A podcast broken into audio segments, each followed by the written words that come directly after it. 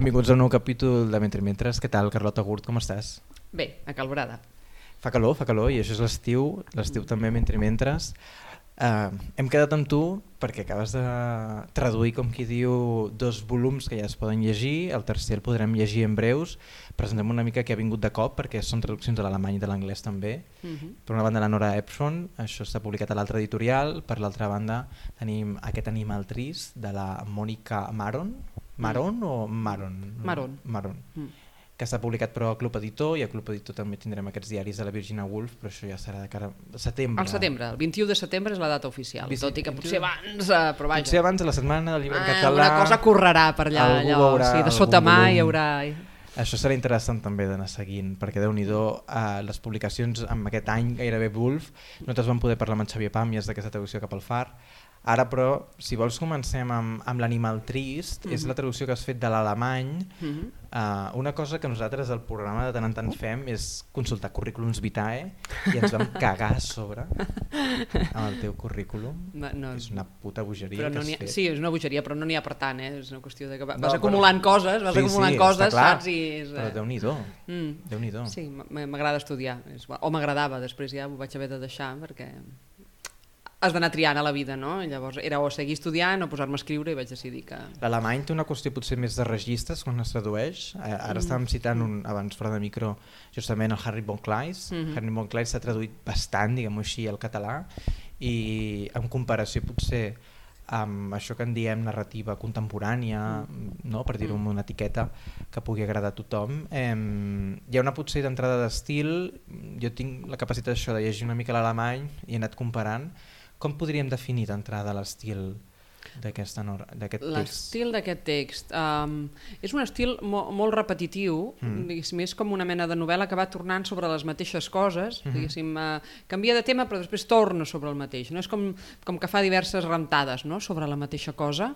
Um, és un estil també que, que pretén uh, imitar una, una certa col·loquialitat, en el sentit de que fa veure que és com el, el discurs intern de- d'una dona molt vella, que no sabem quants anys té, i per tant no, hi ha una sèrie de recursos que, no, que ho va repetint això, no? Uh, per exemple el fet de repetir que no sap quants anys té, que no sap quants anys uh, fa que va passar una cosa, no? És com que constantment va apel·lant al lector en el sentit de jo t'estic explicant això però podria no ser això no, el que va passar. és, és, un, és un llibre que de tant en tant té frases molt, molt llargues, no? amb, amb, amb molta coma, com amb un estil molt, molt de pensament, no? de com vas unint tu dins del cap les, les idees crec que és una cosa que també molt, molt característica, no? com t'està parlant d'una cosa i com allò la porta a parlar d'una altra, que al final és com ens funciona la memòria, no? a través de- d'una mena de pivots que activen una altra mena de record o una altra zona de la memòria. I a partir d'aquí com recorre tota la seva vida, o, o especialment no? la, la vida al costat del, del seu amant. Un amant que de vegades tampoc se'n recorda molt bé, no? Sí, de fet, no sabem com es diu, no? Di- diguéssim que s'inventa un nom perquè decideix que no recorda com es diu. Per tant, tot eh, al darrere no, d'una espècie com d'articulació, de muntatge, que és del llibre en si mateix, amb Mm. un títol que fa referència no, a una cançó. No? Eh, Ah. bueno, crec que realment és el moment exactament de la eyaculació no, en els animals, però Sí. això té una referència amb una cançó. No, jo crec que és una, és una, és una dita Popular. llatina llatina, uh que passa que no sé d'on surt, uh, Vale. però que és uh, que diu post coitum omne animal tristes, no? Diguéssim, després del coit tots els animals estan tristos, no?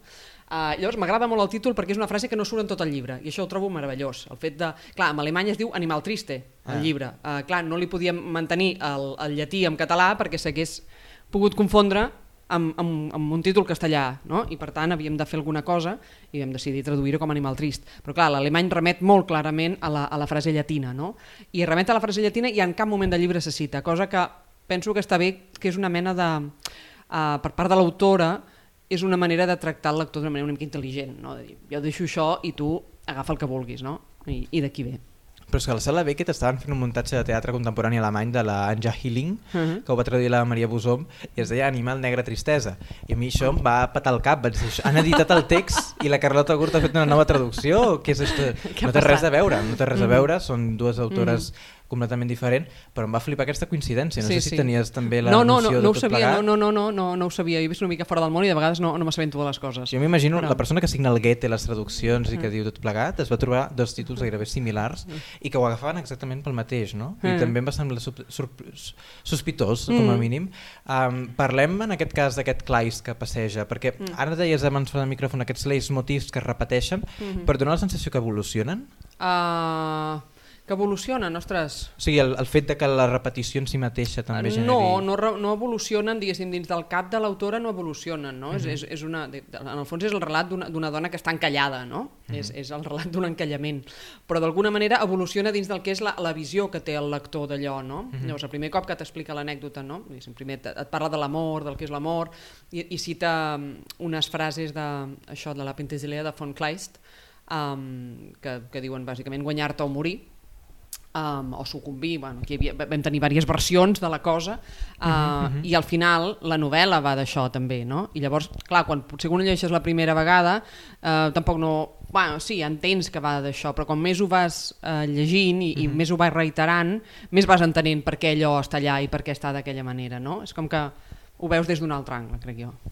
Però tu creus, per exemple, que és un text... Eh, perquè jo he pensat també, perquè els he llegit un primer i l'altre amb la Nora Ephron, també preparant l'entrevista, i n'he llegit també d'altres, perquè estem preparant altres entrevistes, Mm. i aleshores també ha publicat un títol que en parlarem, que també l'element de la memòria fracturava el llibre des de l'estructura.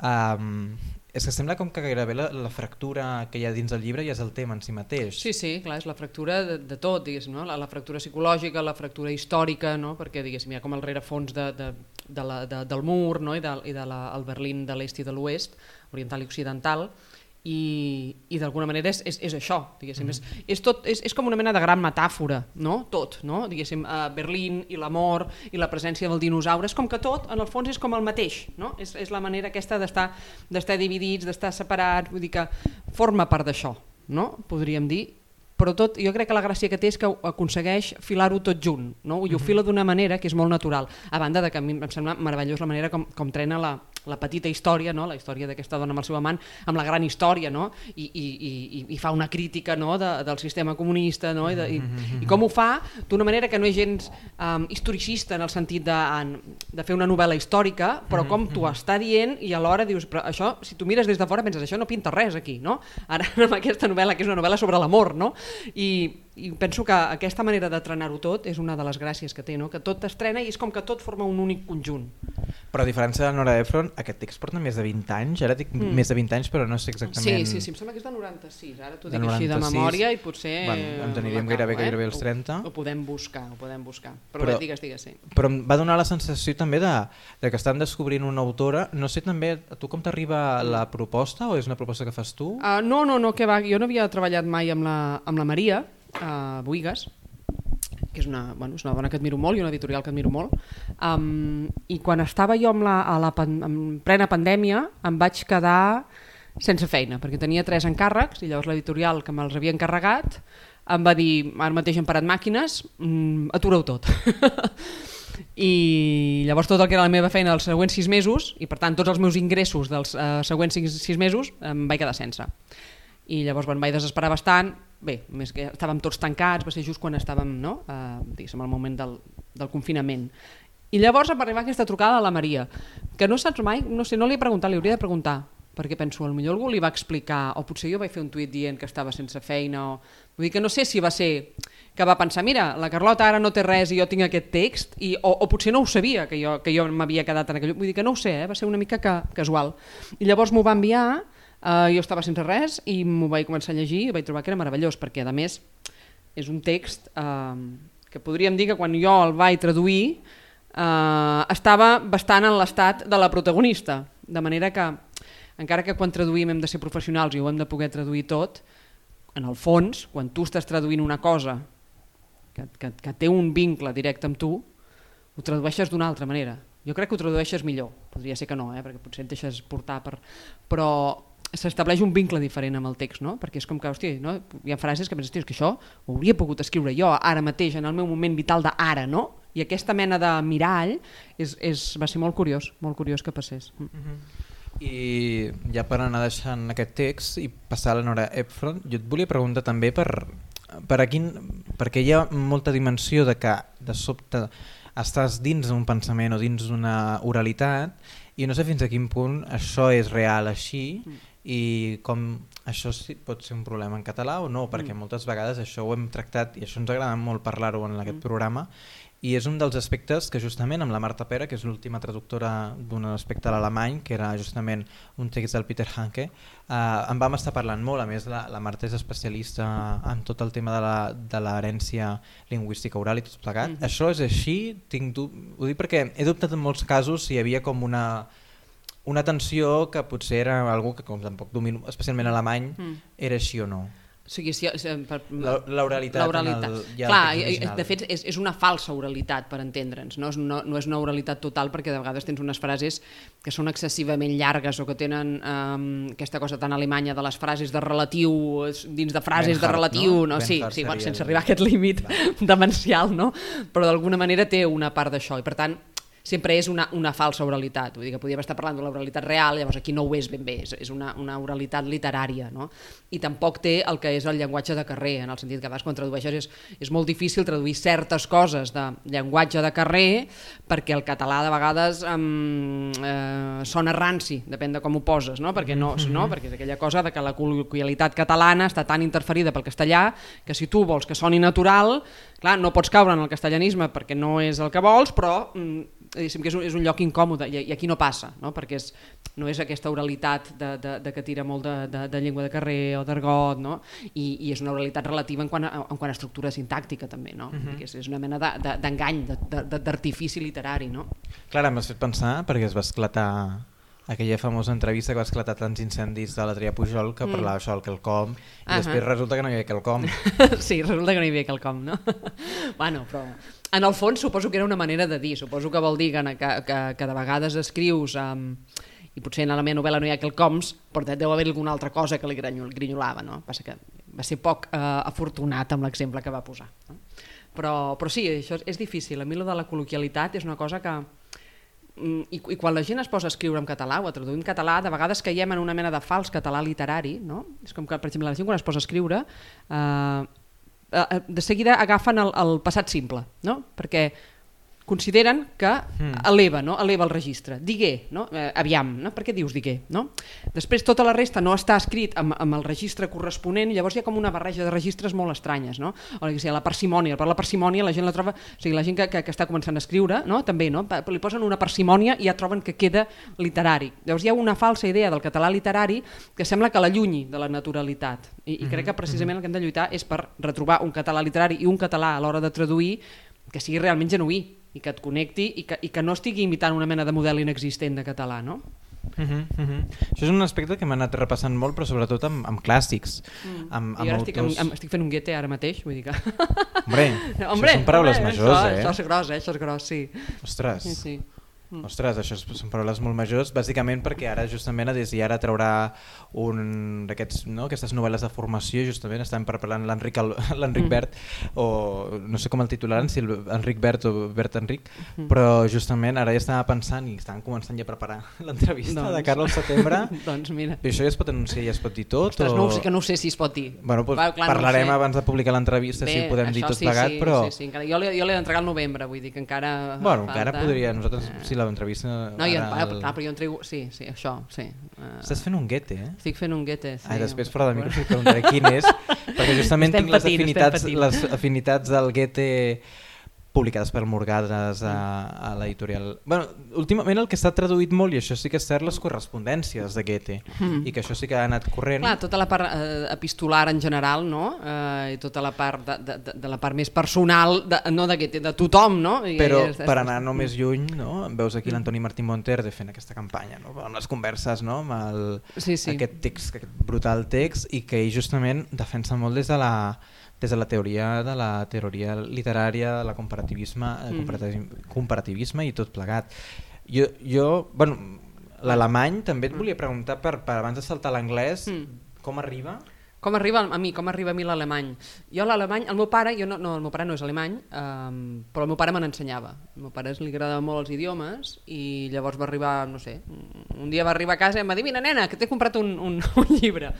I em va començar a ensenyar alemany ell. Um, jo recordo estar, no sé, a cinquè de GB, um, o sigui, a cinquè de primària, estudiant els verbs irregulars al pati, no? perquè si me'ls aprenia tot, el meu pare em compraria el que volgués, cosa que no feien mai amb res, o sigui, no, això de comprar el que vulguis no ho havien dit mai de, de la vida. I llavors jo recordo allò, estar amb 9 anys allà estudiant els verbs irregulars. No? El que passa, llavors vam estar uns anys, però va arribar un punt que li vaig dir al meu pare, mira, jo no entenc res del que m'expliques, no? perquè clar, el meu pare m'intentava explicar de tiu i acusatiu, quan tu encara no has entès el que és un complement directe, clar, això creava una mena de... El meu pare era molt autoritari, llavors jo no gosava dir-li que no ho entenia, anava dient que sí, cada cop avançava més, jo que no, i al final li vaig dir, mira papa, mm, deixem-ho córrer. Però diguéssim que l'arrel ve una mica d'aquí, no? I després, quan ja vaig ser adolescent, amb 13 o 14 anys, eh, vaig demanar d'anar a una acadèmia a estudiar, perquè m'agraden bueno, molt els idiomes i bueno, jo si pogués n'estudiaria més. Eh? I això, i llavors vaig, vaig, vaig fer uns quants anys d'alemany, Uh, vaig anar a Alemanya també algunes, algunes vegades, allò que es fa, no? un intercanvi, no sé, uns experiments que em van enviar a Alemanya de l'Est en una casa, um, i després d'allò, quan vaig decidir fer traducció, com que ho feia a distància, uh, no podia triar totes les llengües que volia, i llavors, bueno, entre francès, anglès i alemany, vaig dir, bé, francès no, perquè... I llavors vaig triar alemany, vull dir que bueno, va ser una mica així. Però això tot ve de, del meu pare, sí. La cançó aquesta d'Ima Dativ, Ima Dativ, sí o això no va arribar? No, no, no, això no, oh, meu pare no li oh, arribava tot brutal, això. No, no, no. Això ens foten a nosaltres amb cançonetes i aquestes històries. Clar, no, aquella època res, tu era, allò era molt dur, clar, no? Eh, però si es mou, no, si hi ha moviment, si no hi ha moviment, jo no, realment clar, era molt... El... Clar, quan ets petit, uh, hosti, hi ha, hi ha coses que... L'estructura sintàctica o gramatical de la llengua tu tens un ús natural, però no la saps eh, interpretar. Mm. Llavors, demanar-te que facis això quan, quan estàs aprenent una altra llengua no sé, recordo que va ser molt desagraït aprendre alemany, els, allò, no sé, els tres primers anys no, d'aprendre alemany i no, i no poder parlar, que pensava, no? que realment fins que no arribes a la fase activa de l'alemany, hòstia, costa. I fins i tot ara, per exemple, eh, clar, jo no parlo mai alemany, no? Clar. Al final, quan llegeixes molt, en tradueixes molt, eh? però, clar, a l'hora de parlar, hòstia, tinc poca pràctica, perquè una cosa és la part passiva, no, l'altra és la part activa, no? i amb l'alemany, a més, clar, no? l'ordre i tot això, però vaja, l'alemany. Avui estem parlant amb la Carlota Gurt, estem parlant sobretot de traduccions i ara saltarem una de les novetats que va publicar l'altre editorial. Eh, estic veient per les xarxes, perquè això mai sap si és un bon termòmetre, però també els companys de llibreries ens diuen que són dos llibres, justament, que són dos llibres d'estiu i que la gent està triant per, per llegir a l'estiu. Eh, Déu-n'hi-do pels llibres que són d'estiu, no? No, no, són, no són abrils sí. prodigiosos, però són festes sí. Home, uh, jo crec que aquests dos llibres, no sé si són molt... De... Clar, quan dius el llibre d'estiu, quasi que sembla com un insult, platja, no? no? Sembla com una cosa sí, molt banal. Sí, clar, sí. jo penso, Animal Trist és un llibre que vaja, que és, que és, que és dens, eh, que, que, que fa de bon llegir jo crec, però que, que, que té molta densitat mhm. d'idees uh -huh. i que no és un llibre alegre, precisament, que sembla que el llibre d'estiu sembli com una cosa de, no? O que, sembli, o, o que sigui un totxo, no? El llibre d'estiu, és que ara l'estiu és quan tinc temps de llegir, no? Coses de 600 pàgines, no? Però, si en canvi el de la Nora Efron sí que, és, que penso que poder sí que és més ideal, perquè, mm. per clar, que són uh, un conjunt d'articles i, per tant, la lectura és, no? Llegeixes un, després en llegeixes un altre, no? No, no, no et compromet, no? A la, i a més el, el tipus d'esperit de, que té és un esperit molt, molt juganer, no? molt, uh, molt de, de dir coses uh, profundes però des d'un lloc una mica alegre, no? que això mhm, -huh, està bé. Mhm. -huh. Que això potser no està tant amb el llibre de Club mm. Home de la Mònica Maron, no sé si estàs d'acord amb mi, amb aquesta ironia mm. construïda, mm. potser molt més del des del periodisme que no tant des de la novel·la. No sé si estàs uh, d'acord també. És, uh, la, la, la Efron. La Efron. Sí, sí, sí, clar, des del periodisme totalment, no? Mm -hmm. Sí, sí, el seu és... Um, són articles, té un to molt, molt articular, no?, d'alguna manera. Per això mateix. Sí.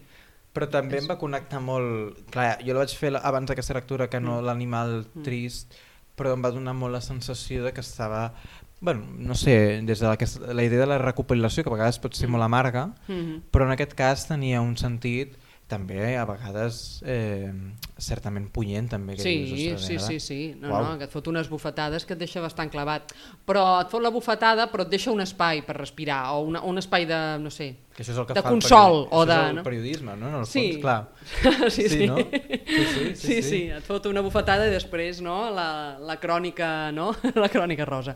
Però sí, és una mica això, no? Però jo crec que la Nora Ephron també el que té és que és, és un text que, que realment parla molt des de la vida. I en aquest cas sí que a l'hora de traduir sí que hi ha molt llenguatge més de carrer o expressions, o ja amb el títol Bé, clar. mateix, no? que és el No me'n recordo de res, no? que dius, clar, normativament o aquella cosa de no, no, no recordo res mm, no ens va convèncer, llavors vam estar parlant de veure com no? el no me'n recordo de res, eh, bé, que sempre és una mica problemàtic, no? la, la duplicitat. Um, però això, que té més, té més coses, no? jo sí, recordo, hi ha, hi ha un article, um, crec que és en aquest, perquè, com et deia, que són, Són dos, dos volums. seran dos volums, De moment se n'ha publicat Um, un. Sí, sí, llavors clar, com que els vaig traduir l'hora i, i no l'he rellegit, ara hi ha alguns articles que no sé si són d'aquí o de l'altre, però per exemple hi ha un article que parla dels bolsos, no?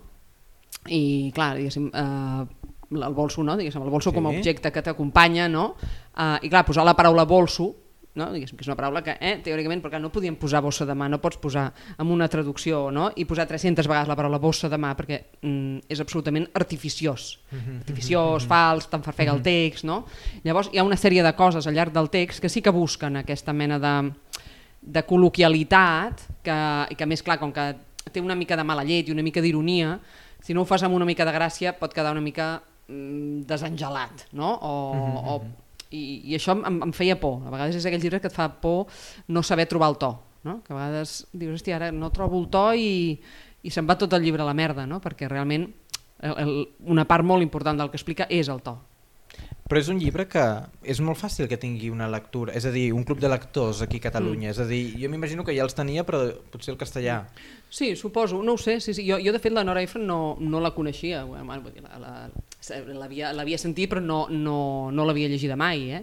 I, I crec que té un to molt, en el fons, molt, molt contemporani, no? de, de, de, de, de combinar aquesta mena de queixa sobre la vida moderna alhora que és una víctima i, una, i, i una, i és la primera no? de, i llavors és, aquesta, és, és la, la, la, perso- la, l'humà dins de la contradicció urbana no? podríem dir i això està bé, perquè al final et confronta tu i és, és una manera, ella riu de si mateixa i això està molt bé, no? Quan trobes algú que se't riu de si mateix, cada dia costa més, no? Això de, no?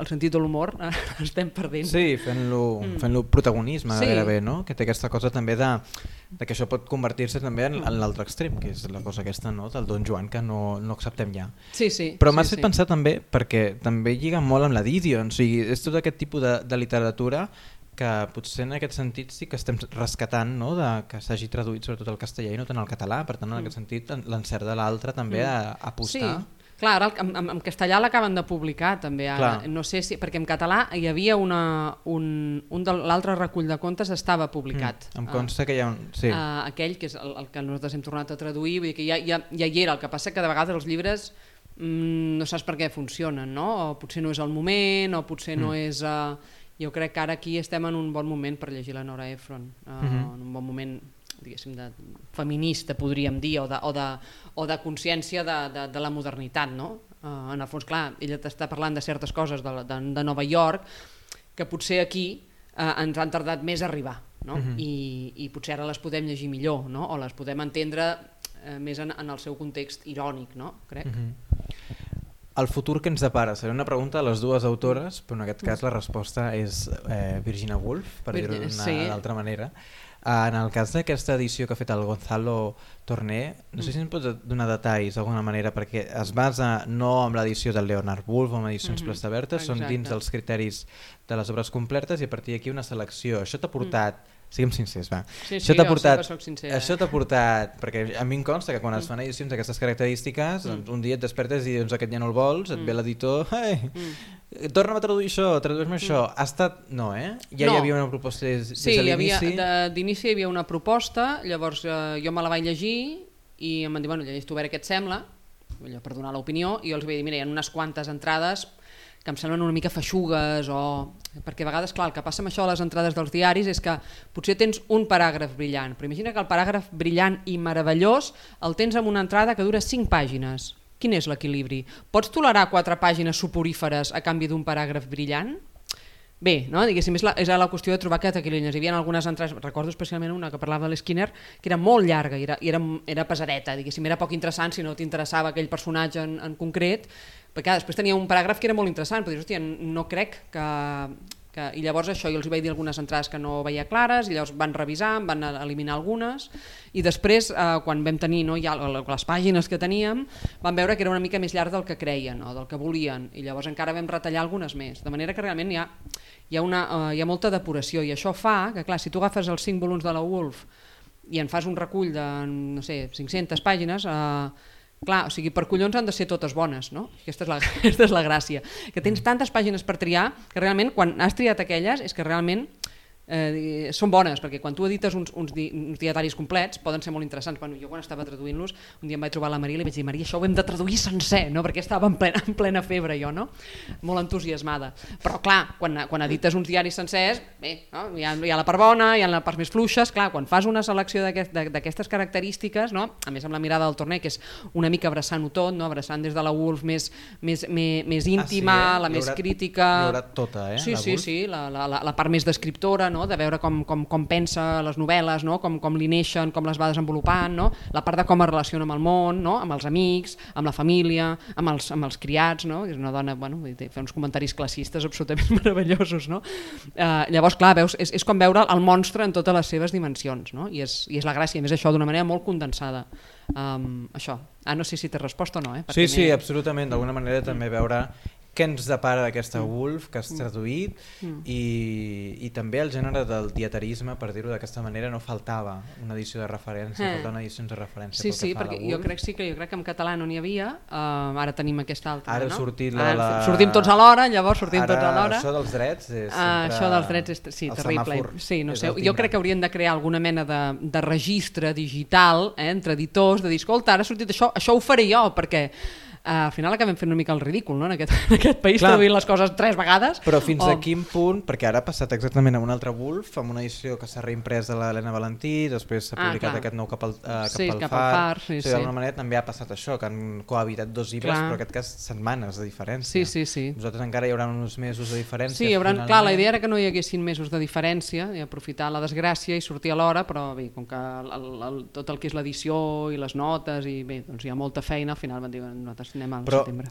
revisant-les també amb què hi haurà i què s'ha explicat que hi haurà, en principi hi ha moltes diferències, són dos volums en certa som, manera... Sí, són diferents. Jo, jo no he anat a comparar-los, si té la, la veritat. Si jo vaig llegir els del Leonard, i la selecció del Leonard fa, fa molts anys, però clar, no recordo exactament, no? Que hi havia uh, clar, hi llavors havia. hi ha entrades que segur que hi serà, segur que seran uh, les mateixes però no he anat a mirar-m'ho també perquè, no sé, perquè, eh, no, no, perquè no vull saber, suposo.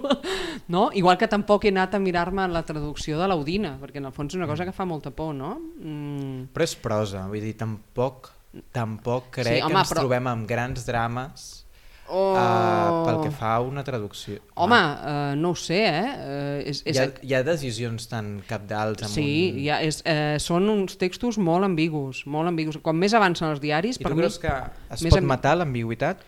No, hi ha vegades que no, clar, hi ha vegades que no. I, i llavors, clar, jo, jo he consultat l'edició eh, castellana, l'edició francesa, no? a veure què fan aquests, a veure què fan els altres, perquè hi ha coses... O sigui, per exemple, hi ha una entrada que és cosa molt... Més, no té cap mena d'importància en el fons, no? És, és una frase que diu de passada i diu que el Leonard està preparant els seals, no? segells, eh, podríem dir, i els... Ah, no sé si diu uns conillets, els, no sé què, els rabbits, em sembla que diu uns rabbits, no? Llavors, clar, seals i rabbits, no? seals també poden ser uh, foques, no? I dius, però a veure, aquí de què cony m'està parlant dels rabbits, no? O sigui, conillets de què? Aquí, saps allò que no sap? Clar, com que és una, una prosa escrita per, per ella mateixa, no, no, no, no necessita que el lector, perquè no hi ha lector, no? entengui res, de manera que no s'explicita, hi ha coses que ella les diu i tu no ho entens. Llavors, si vas a mirar aquesta frase en la traducció francesa, que és meravellosa, i la, i la castellana, que està força bé també, veus que un li ha posat foques, i l'altre li ha posat segells perquè, i l'edició eh, anotada no, amb crítica anglesa no té cap nota, de manera que tu no pots saber, és impossible que sàpigues a què està fent referència. Saps? Perquè més és com l'època de Nadal, clar, jo parlava amb una nativa, escolta, i si això resulta que està parlant de, saps? de regals i potser per això lo dels conillets de, no, de peluig i tal, no? Hi ha coses que no pots saber i no les pots saber. Llavors tu has de saltar. Clar, hi ha vegades que intentes mantenir l'ambigüitat, però de vegades mantenir l'ambigüitat fa que el text sigui tan Perdi. absolutament incomprensible o tan forçat que dius, "Mm, al final, eh, no sé, amb la Maria Arbós que l'hem treballat, hi havia moments que, mira, aquí hem de saltar. O sigui, no podem saber què vol dir, però hem de fer un salt, perquè és que si no fem el salt, et queda una frase incomprensible. No? Quan en anglès... Mm, Jo vull saber pots- què, vas, què vas triar. Ah, ah, no, ostres, ja no me'n recordo al final què, perquè clar, eh? diria que vam tirar pels segells, eh? Segells? Sí, diria que sí. Però vull dir que hi ha moltes decisions d'aquest tipus, o coses que dius, ara això, per què ho diu, no? Uh, que, perquè com que és un text no escrit per ser llegit, no? Mm. que és un text escrit per ella mateixa, ella sap de què va. Clar, quan tu escrius per ser llegit, eh, vols que el lector entengui "Ah, això, això s'ha d'entendre. Quan tu escrius per tu mateix no fas, no, no, no fas aquest exercici, no? Llavors és difícil. Déu-n'hi-do, déu nhi déu Carlota Gurt, avui a Mentre i Mentres, per acabar et volia demanar si ens podies fer el favor d'això, de, de llegir un dels fragments, perquè a vegades també té, té el seu què, escoltar també els traductors, com han Mm. creat, com han imaginat, i hi havia un fragment que creiem que era un dels leitmotiv i que has triat. Uh, sí, mira, és un fragment molt curt que parla de la mort, perquè al final l'Animal Trist és una, és una novel·la sobre, sobre la mort, sobre la mort i sobre el que és el monstre de la mort. Una de les coses que hi ha dins de la novel·la és que parla molt d'un brachiosaure, no? que és un esquelet d'un brachiosaure, que en el fons és la, la imatge de la mort. No? És la, la idea de que... Tens un museu, a més. que Sí, perquè més clar, hi ha els brachiosaures, després hi ha algun moment que parla d'unes tortugues, no? que són com els, no? que és la- la- l'amor que tenia pel seu marit, allò són els dos grans amors, l'amor d'estar per casa que se't caga la catifa i el gran amor que està, no? que és absolutament mític i mitològic, quasi i està en un museu. No? I això, vull dir que és, és, és un, par- un paràgraf que va sobre l'amor. Diu, amb la mort passa com amb els dinosaures, que el món sencer es recrea en la seva mort. Tristany i Isolde, Romeu i Julieta, Anna Karenina, Pentesilea, sempre només la mort, sempre aquesta voluptuositat de l'impossible. Jo no crec que les persones siguin tan incapaces d'estimar com aparenten. Es deixen convèncer per ànimes infelices, sense amors de joventut, que per por de morir van expulsar l'amor a crits tan aviat que ni recorden quan. Carlota Gurt, moltes gràcies A vosaltres. per sumar-te a Mentre Mentres i bon estiu. Molt bé, igualment.